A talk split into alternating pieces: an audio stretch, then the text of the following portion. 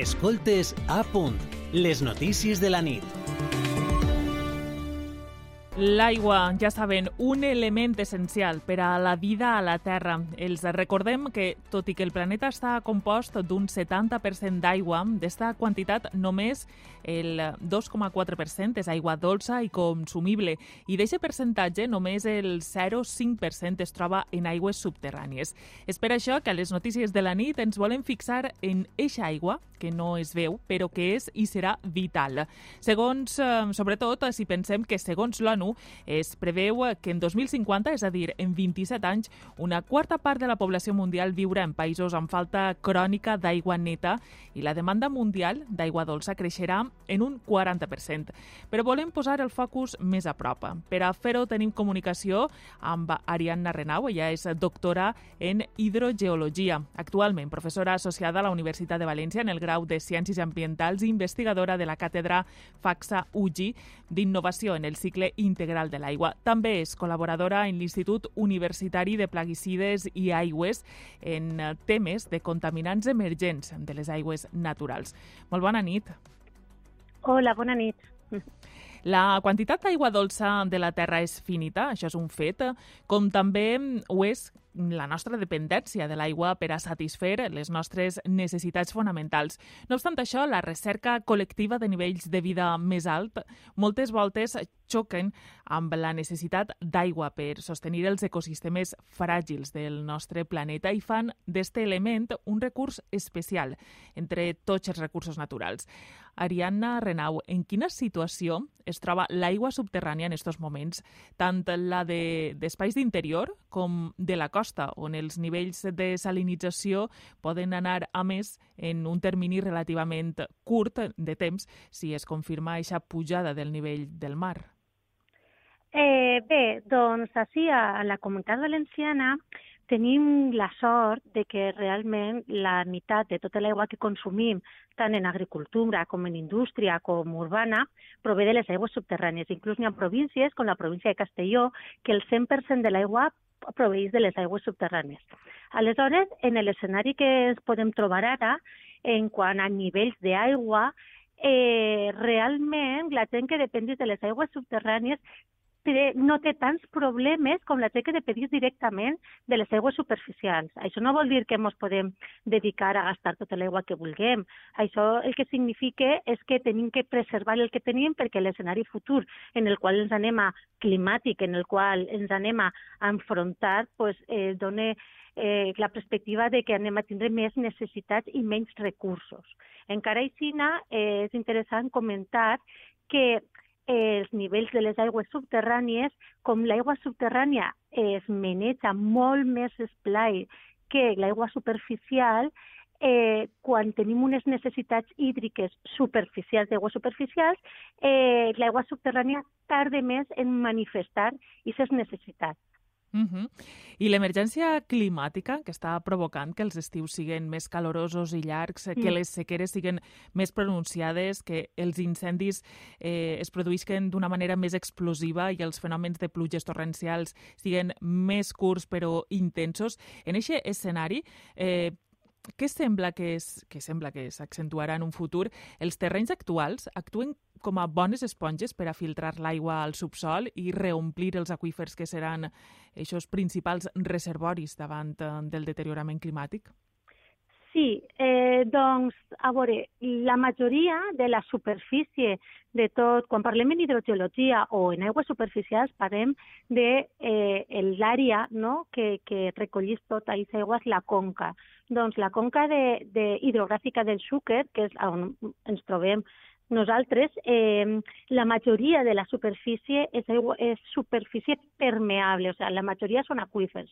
En els llocs allí on s'utilitza l'aigua superficial és perquè eh, no és que no tinguem aigua subterrània, sinó és que tenim aigua superficial eh, més propera i podem accedir a ella d'una d'una forma més fàcil. Aleshores, els terrenys són permeables, efectivament que són permeables. Eh, L'únic que pot impedir eh, que aquesta aigua de pluja s'infiltre pot ser la impermeabilització per, per exemple, eh, la urbanització o el canvi dels usos del terreny, també podria ser, però realment el mm, que és més preocupant no és tant com que el terreny sigui permeable o no, sinó la, la forma que té de ploure de les precipitacions. Eh, se suposa que en un futur, eh, en un futur que està pròxim, plourà menys i, la dinàmica serà diferent, seran pluges més torrencials. Aleshores, aquesta aigua no la podem aprofitar també. El que és important és que plogue, com solem dir, que plogue bé, no? que plogue a poc a poc i així el terreny pot anar infiltrant tota aquesta aigua que està, eh, pues, eh, està entrant en contacte amb la superfície. I aquest serà el gran problema, que quan venen les grans pluges, les danes, eh, eh, les grans inundacions, el terreny no pot assimilar tota aquesta aigua. Uh -huh. Ja deia Raimon, no?, que al meu país eh, no sap ploure, o una cosa semblant. Eh, L'agricultura és, amb diferència, el principal consumidor d'aigua dolça. Un 70% de totes les extraccions d'aigua dolça van a parar ahir a l'agricultura de regadiu, segons l'ONU. L'escassetat d'aigua pot limitar la producció i el subministrament d'aliments amb tot el que això pot provocar, però centrant-nos en els productes que s'utilitzen en la majoria de cultius per a fer-los més rendibles, per a que les collites siguin més rendibles, m'agradaria preguntar-li per l'impacte dels productes químics, dels plaguicides o fitosanitaris en aquestes aigües subterrànies. Sí, efectivament, un dels problemes que trobem en les aigües subterrànies és la qualitat, no? que és veritat que fem analítiques de les, i trobem productes químics, fitosanitaris, pesticides, herbicides, plaguicides, etc., els quals eh, no deurien d'estar ahí, no? si, si volem utilitzar aigua per a, per a ús, eh, pa, per a regar o, o per a consumir. Aleshores sí que és veritat que s'estan trobant mm, eh, isos compostos. El problema que tenim no és tant que ara mateixa s'utilitzen determinats productes, sinó que aquests productes que s'han utilitzat en un passat no desapareixen immediatament. Aleshores, és relativament mm, eh, comú que puguem detectar en analítiques fitosanitaris, pesticides, plaguicides, etc., de eh, productes que fa anys que no s'utilitzen. I és el gran problema. No és que les coses ara s'estiguen fent malament, perquè de fet està canviant molt la manera de regar, efectivament, ja el rec a manta, que seria de tota la vida, ja no se fa tant, se fa més el, el, el, la fertirrigació per gotet, efectivament, i, i, i, i sí que és veritat que s'està optimitzant al màxim el producte que se gaste, però el problema que tenim és que eh, durant molts anys les coses no s'han fet com se deurien d'haver fet, moltes vegades per desconeixement, uh. -huh. la veritat. I a banda d'aquest problema, eh, hi ha mm. més en les, aures, en les aigües subterrànies? Sí, pues, efectivament, perquè sempre parlen de la contaminació de les aigües, la contaminació de les aigües, i realment hi ha un altre problema que és la quantitat. Realment és igual d'important tindre una aigua de bona qualitat que tindre aigua. Vull dir, un dels problemes que ens podem trobar és la sobreexplotació dels aqüífers. Això vol dir que traem més aigua de la que està rebent la. Aleshores, si aquest problema es dona a la costa, uh -huh. en tots els aqüífers costaners que tenim, que són molts, de distintes característiques, de distints materials, es dona un fenomen que es diu intrusió marina, que vol dir que l'aigua subterrània, l'aigua marina, subterràniament avança en una velocitat esplaet, estem parlant sempre en velocitats que no tenen res a veure les superficials, i pot arribar a l'interior, que va 4, 5, inclús 6 quilòmetres a l'interior. I aleshores, i si aqüífers costaners, tenim en compte que en la costa és on estan els majors nuclis eh, urbans i on també se, se sol condensar molt l'agricultura. Aleshores, i si aigua deixa de ser útil per a aquests usos que està destinada, sigui tant urbà com agricultura, i, i, i, se, i se abandonen, no? I. I és un problema que tenim. Però uh -huh. és interessant també saber que tenim unes altres aigües que no gastem, el que se diuen recursos no convencionals. Tenim les aigües de les desaladores que se poden gastar i també tenim aigua de, que se diu regenerada, que és les aigües de les depuradores, que tenen un tractament especial i específic que la llei permet que, que puguem utilitzar aquestes aigües per a agricultura o per a, a qualsevol altre ús.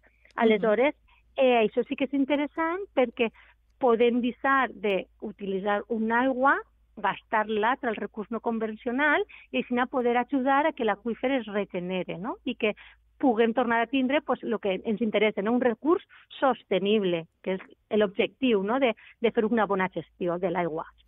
Més o menys m'ha contestat l'última pregunta que volia fer-li perquè eh, vostè ha escrit que, que sent conscient de l'escenari futur que ens espera en tot allò referent al canvi climàtic, li interessa aprofundir en temes de gestió de recursos hídrics i veure com podem optimitzar els existents d'una forma sostenible.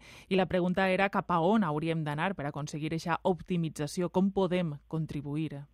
Pues sí, efectivament. A més, hi ha una frase molt interessant que, que, que sempre se dir en els àmbits de la gestió dels recursos hídrics, que és eh, l'aigua no s'esgota si se, se trau del pou de la saviesa humana. Aleshores, el que se necessita és un bon coneixement de les aigües subterrànies, un bon, fer un bon ús i intentar estudiar totes les aigües conjuntes, les superficials, les subterrànies i els recursos no convencionals que vos acabe de, de comentar. I aleshores, en un entenent com funciona tot i se trenca closques, no? podem fer un ús perfectament i de les aigües i tindre un recurs sostenible, mm, sens dubte, però sempre des del coneixement. Uh -huh. Doncs anem a quedar-nos amb aquest uh, missatge de veure tots els recursos que tenim per a poder eh, optimitzar-los. Moltíssimes gràcies, Ariadna Renau, doctora en hidrogeologia, professora de la Universitat de València i també investigadora de la càtedra FAXA UGI d'innovació en el cicle integral de l'aigua. Moltes gràcies per haver-nos eh, donat més claus en este procés per a mimar un poc més l'aigua que tenim disponible. Moltes gràcies mm. i bona nit. Bona nit, moltes gràcies. Música